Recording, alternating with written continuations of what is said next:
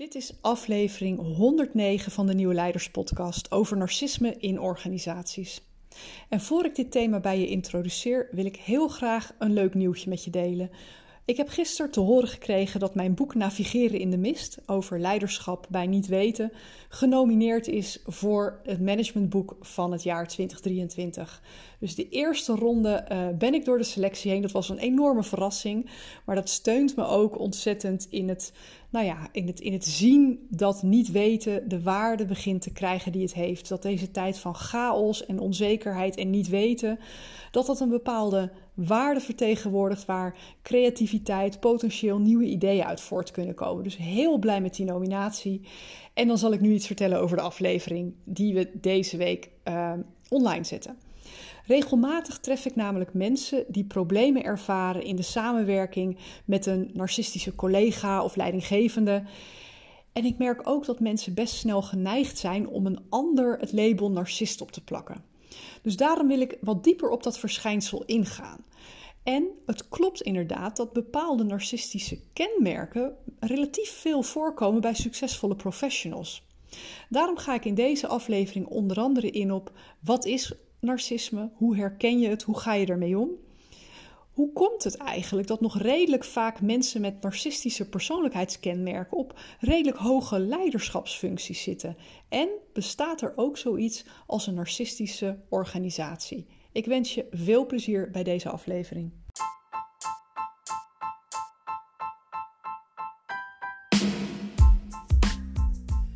Tijden vragen om nieuw leiderschap. Mijn naam is Petra Kuipers en vanaf deze plek neem ik je mee op onderzoek naar hoe we nieuwe vormen van leiderschap kunnen ontwikkelen in organisaties, in teams en niet in de laatste plaats bij onszelf.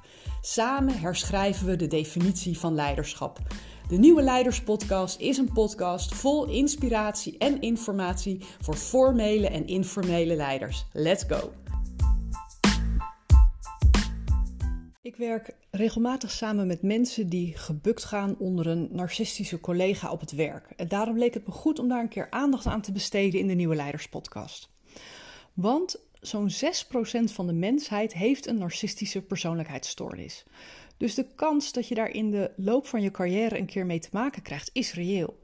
Kort door de bocht, in een organisatie van zo'n 100 mensen zouden er dus 6 rond kunnen lopen. En laten we voorzichtig zijn met al te veel generaliseren. Want ik hoor nogal eens beschuldigingen dat iemand een narcist zou zijn. En in werkelijkheid is het een glijdende schaal. En hebben we allemaal in meer of mindere mate kenmerken die in dat spectrum vallen. Vrijwel niemand scoort nul.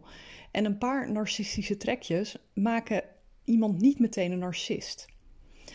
Gezond narcisme houdt er, eh, dat zorgt er onder andere voor dat we beschikken over voldoende eigenwaarde en eigenliefde. Het stelt ons in staat om voor onszelf te zorgen en om, om onze grenzen aan te geven.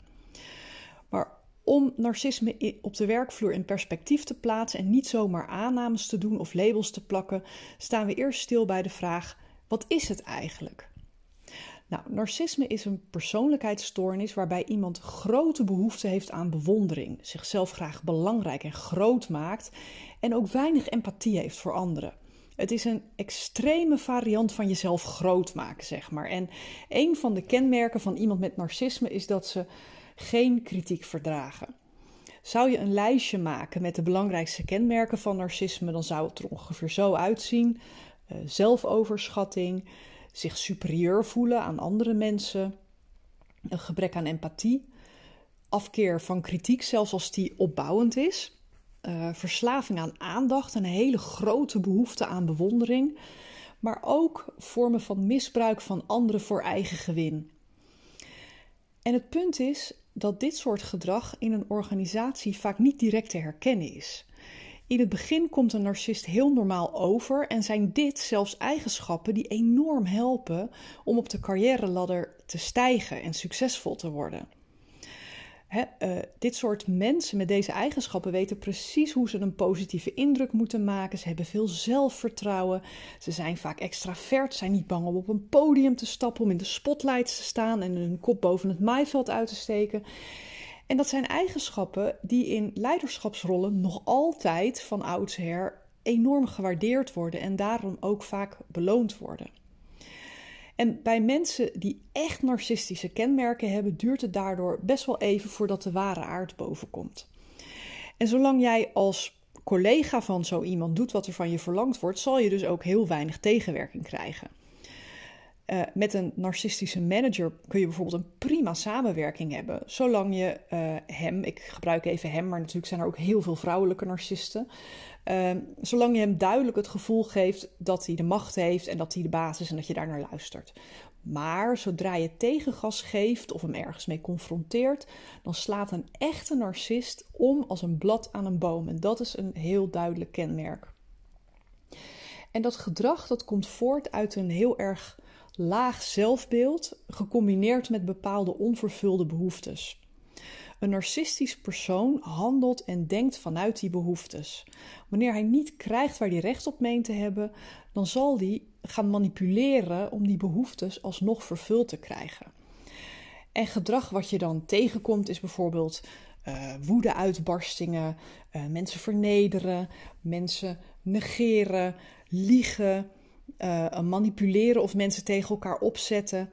Een echte narcist heeft geen moreel probleem met zijn eigen houding en gedrag, want die stand zit er gewoon niet op. Dat kan je ze niet eens kwalijk nemen, die knop zit er niet. En wat ik al zei, dankzij die enorme drang naar status en erkenning schoppen narcisten het vaak best wel ver. Het is dus ook helemaal niet vreemd dat je de nodige narcisten aantreft op hoge functies. hun zelfvertrouwen, ambitie en charisma helpen daar gewoon enorm bij. Maar dat zijn eigenschappen, dat soort eigenschappen zijn gelukkig niet alleen voorbehouden aan mensen met een narcistische persoonlijkheid. Het komt alleen vanwege hun enorme gedrevenheid om, om te willen winnen en om continu bewonderd te worden, komt het veel meer naar voren. Nou, waar zit het dan in? dat dit soort mensen heel vaak in leidersfuncties eindigen. Uh, nou, dit is een hypothese, maar er is iets wat opvalt als je kijkt naar de patronen en dynamieken in bepaalde concerns, in bepaalde bedrijven. Je zou kunnen beweren dat ze zo succesvol zijn in de boardroom van grote bedrijven, hè, mensen met dit soort trekjes, omdat het gedrag en de houding van narcisten vergelijkbaar is met het, ja, zeg maar het DNA van dit soort uh, commerciële bedrijven. Even heel kort door de bocht. Veel grote concerns zetten zichzelf en de winst op de eerste plaats.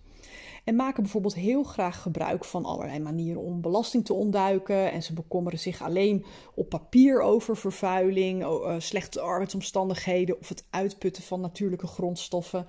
Terwijl in werkelijkheid gaan ze er geen spat anders door handelen. Puntje bij paaltje draait het om het eigen voordeel, geld, macht, imago, ook als daar stevige maatschappelijke kosten aan kleven. En in dit soort organisaties zie je vaak dat medewerkers die gedrag vertonen, die aansluit bij of, of zelfs ondersteunend is aan dynamiek, uh, mensen die nog eh, aan het begin staan van hun carrière, maar als een goede match worden gezien in de boardrooms. Ze hebben er bijvoorbeeld geen enkele moeite mee om duizenden mensen te ontslaan als daarmee de beurskoers en dus de eigen provisie omhoog gaat. En dat zijn mensen die sneller boven komen drijven als geschikte leiders voor dit type organisaties. Veel meer dan de mensgerichte, empathische en meer holistisch kijkende professionals. Laatst stelde iemand mij de vraag of er zoiets bestaat als narcistische organisaties. En als ik er met een systemische blik naar kijk, dan kan ik alleen maar concluderen dat alles wat kan bestaan aan patronen en, en dynamieken in een individueel mens, wat ook gewoon een biologisch systeem is, ook in andere uh, systemen bestaat. Er bestaan dus wel degelijk narcistische systemen en culturen en bedrijven, of er zitten op zijn minst narcistische trekken in bepaalde bedrijven, organisatiesystemen. Nou, dat even als zijsprong, daar kom ik aan het eind van mijn verhaal nog even op terug. Maar laat ik je eerst meenemen in wat meer achtergrond bij wat narcisme is. En dan wil ik je tegelijkertijd uitnodigen om die vraag uh, uh, te beantwoorden van ken ik mensen in mijn omgeving met dit type gedrag? Niet om ze te labelen, maar meer is dat een type gedrag waar je misschien af en toe last van hebt of tegenaan loopt. Maar ook om eens te kijken of je. Um, of jij denkt dat narcistische systemen, zoals bedrijven of misschien wel politieke systemen, of die bestaan. Nou, er bestaan verschillende vormen van narcisme. En kijk je naar hoe we waren als baby, toen stelden we allemaal 100% onze eigen behoeften voorop. We hielden geen enkele rekening met de gevoelens of behoeften aan slaap, aan vrijheid of wat dan ook van anderen. En dat was een overlevingsmechanisme dat ervoor zorgde dat we gevoed werden, dat we gekoesterd werden, dat we veilig bleven.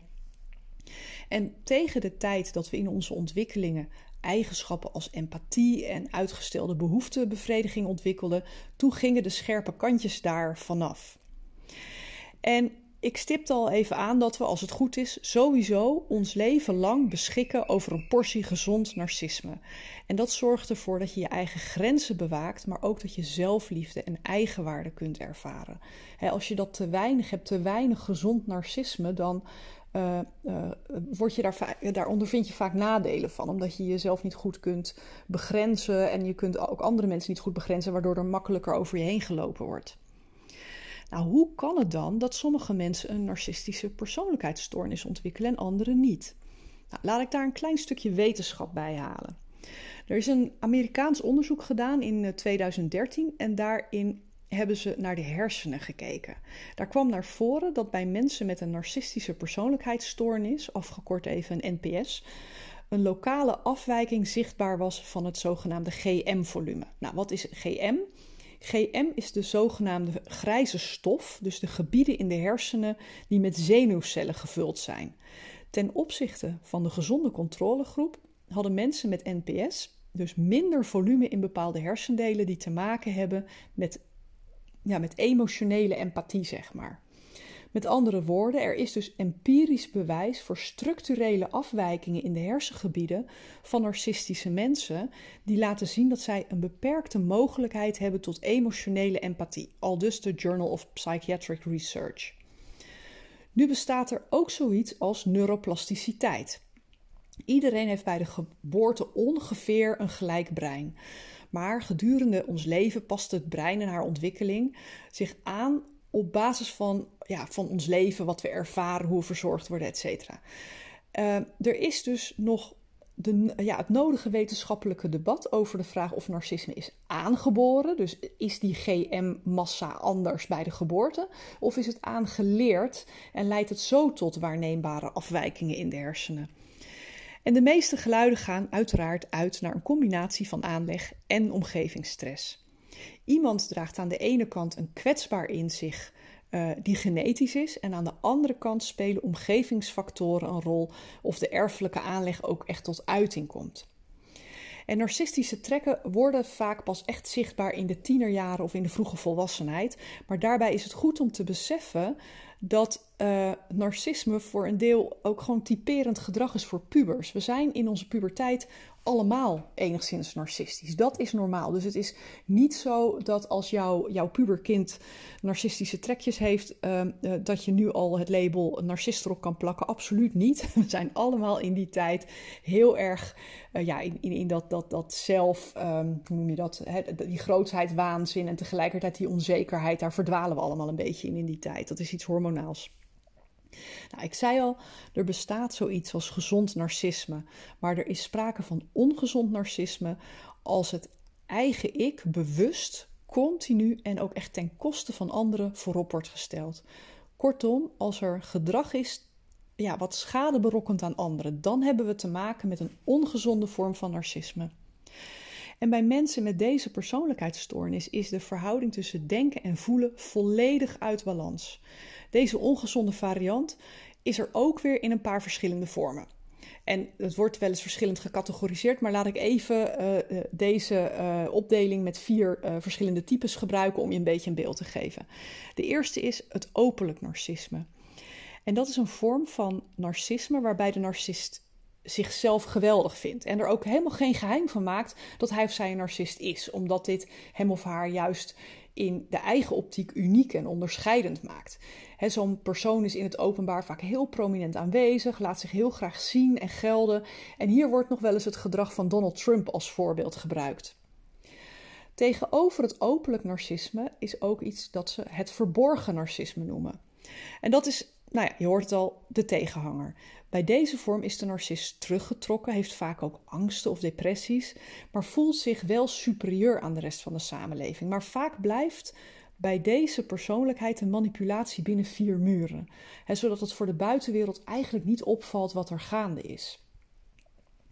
Dan heb je een vorm dat heet het kwetsbaar narcisme. Dat is de derde vorm die ik wil bespreken. Dat is de narcist die niet of nauwelijks kritiek van de ander verdraagt. Het is echt een enorm diep minderwaardigheidsgevoel dat overheerst. Deze persoon zal er van alles aan doen om voor de buitenwereld een goed beeld neer te zetten van zichzelf. Hij of zij creëert een beeld van zichzelf met de nadruk op creëren.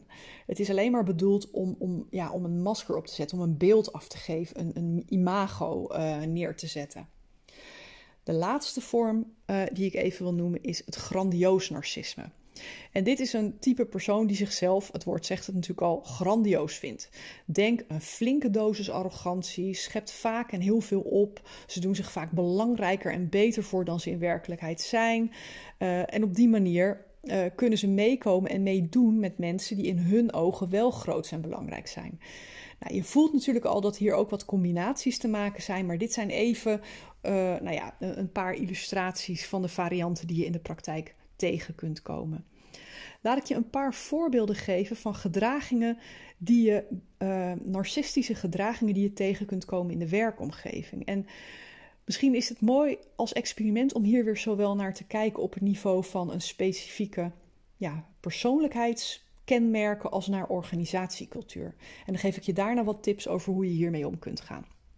Nou, iets belangrijks uh, wat je vaak ziet bij uh, narcistische trekken is liegen, draaien, beloftes niet nakomen. Uh, extreem boos worden als kritiek krijgen of onvoldoende erkenning krijgen. En dat kan dan uitmonden in vijandig en boos gedrag, waarin je bijvoorbeeld wordt doodgezwegen. Hè, dat is typisch zo'n zo'n zo'n effect daarvan. Uh, er is geen berouw en, en, en de narcist doet niet aan zelfreflectie. Als je denkt dat narcisten berouw tonen, dan is dat vaak voor de vorm want ze kunnen best excuses aanbieden, maar vaak is dat opportunistisch, juist om weer dat beeld naar de buitenwereld positief te houden. Maar oprechte berouw of zelfreflectie, ja, dat staat gewoon niet in hun woordenboek. Die stand zit er niet op. Ze geven anderen vaak de schuld en wijzen uh, uh, op gebreken van anderen, terwijl ze zichzelf juist zien als een slachtoffer. Het ligt altijd aan de ander als er iets niet goed gaat. Een narcist doet zelf nooit iets verkeerd. Ze zijn uh, vrij overtuigd van hun eigen, eigen superioriteit. Ze stralen op het eerste gezicht heel veel zelfvertrouwen uit, maar vaak is juist het tegendeel het geval. Het gebrek aan zelfvertrouwen compenseert de narcist met arrogantie en met een gevoel van superioriteit. Narcisten hebben vooral imagodoelen. Wat vindt de ander van mij? Wat vindt de buitenwereld van mij? En geen compassiedoelen. Hè? Hoe maak ik het prettig voor de ander? Hoe maak ik het, het, het haalbaar, aangenaam, uh, constructief voor de ander? De perceptie van de buitenwereld is voor de narcist van heel groot belang. Emoties, die kunnen ze niet aan en die, die, ja, die snappen ze vaak gewoon niet.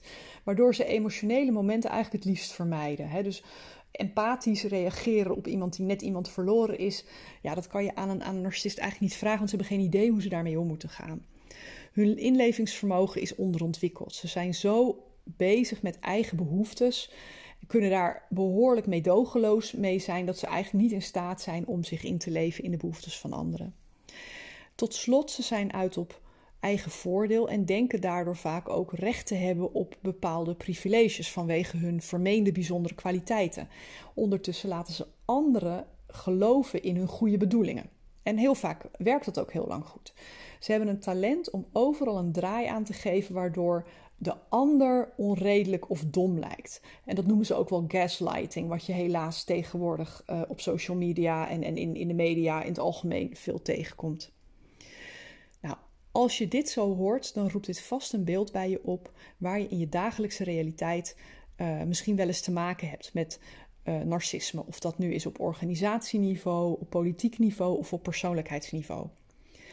Een narcistische persoonlijkheidsstructuur kun je eigenlijk niet veranderen. En vaak, of eigenlijk meestal, gaat er achter narcisme een vorm van trauma schuil. Narcisme begint vaak met een jeugd vol met verwaarlozing of juist met een enorm verstikkende hoeveelheid aandacht van de ouder. En dit weten geeft al iets meer begrip of empathie. En dat maakt dat je misschien een tandje extra je best doet om ook het goede in iemand te zien. Maar dat maakt in de praktijk de omgang met een narcist niet heel veel makkelijker. Dus daarom wil ik je heel graag uh, een paar tips geven als wat eerste hulp als je te maken hebt met een narcistische collega of leidinggevende. Ten eerste, als je iets van een narcist gedaan moet krijgen, en dat heb je vaak in samenwerking, dan helpt het heel goed, of kan het heel goed helpen om bijvoorbeeld te zeggen: Wat een geweldig idee. Als je nou alleen dit nog toevoegt, dan wordt het nog beter.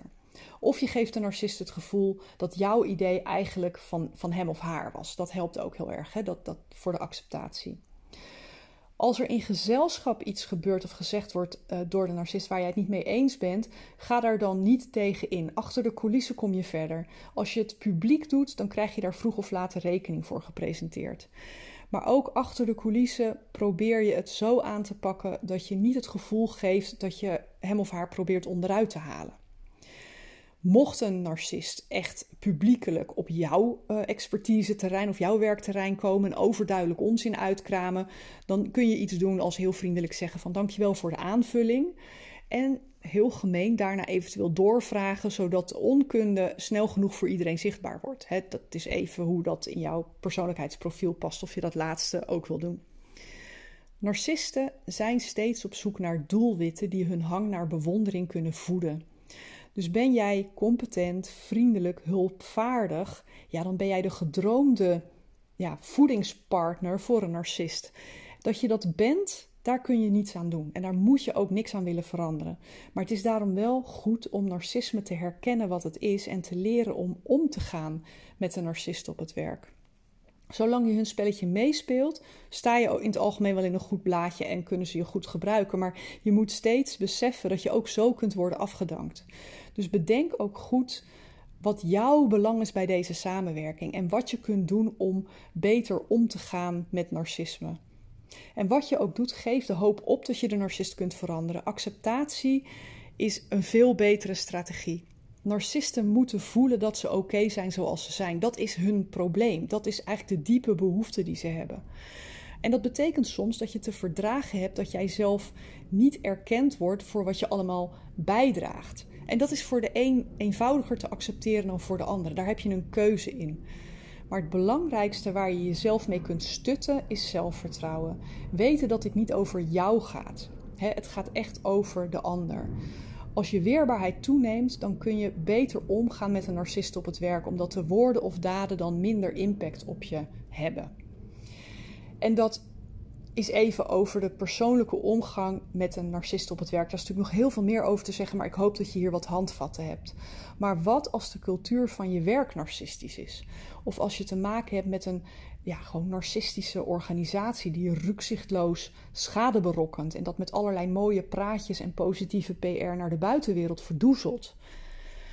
Nou, met de veelheid aan, aan systeemcrisis waar we ons als collectief in bevinden. Hè. Ik noem maar uh, ecologische crisis, welvaartsverdeling, gezondheidscrisis, klimaatcrisis, om er maar een paar te noemen. Is het belangrijk om ook bij onszelf bewust te zijn waar en hoe we zelf bijdragen aan het instand houden daarvan. Als ieder van ons zou nadenken over waar we gedachteloos meegaan in patronen, uh, in, ik noem maar even bedrijven, die je met enige afstand zou herkennen als narcisme, dan zou dat al een enorm effect hebben. Want dit soort patronen zitten vaak in de onderstroom. We zijn ons er niet van bewust, we gaan erin mee omdat het eenmaal zo is. En een van de krachtigste dingen die je kunt doen, is ze langzaam maar zeker in het collectieve bewustzijn brengen. Waarom doen we de dingen zoals we die doen? Waarom accepteren we dat we dit effect hebben, dat we deze schade berokkenen? En daar waar een narcistische persoonlijkheid in zo'n situatie waarschijnlijk vol in de tegenaanval gaat, zul je merken dat ook het aankaart of het blootleggen van dit soort patronen in organisaties eerst op weerstand zal slaan. Dankjewel voor het luisteren naar de Nieuwe Leiders Podcast. Was deze aflevering waardevol voor je? Door hem te delen of een recensie achter te laten, help je nog veel meer mensen om de Nieuwe Leiders Podcast te vinden. En vergeet niet de podcast te volgen zodat je niets meer mist. Ik tref je graag bij de volgende aflevering.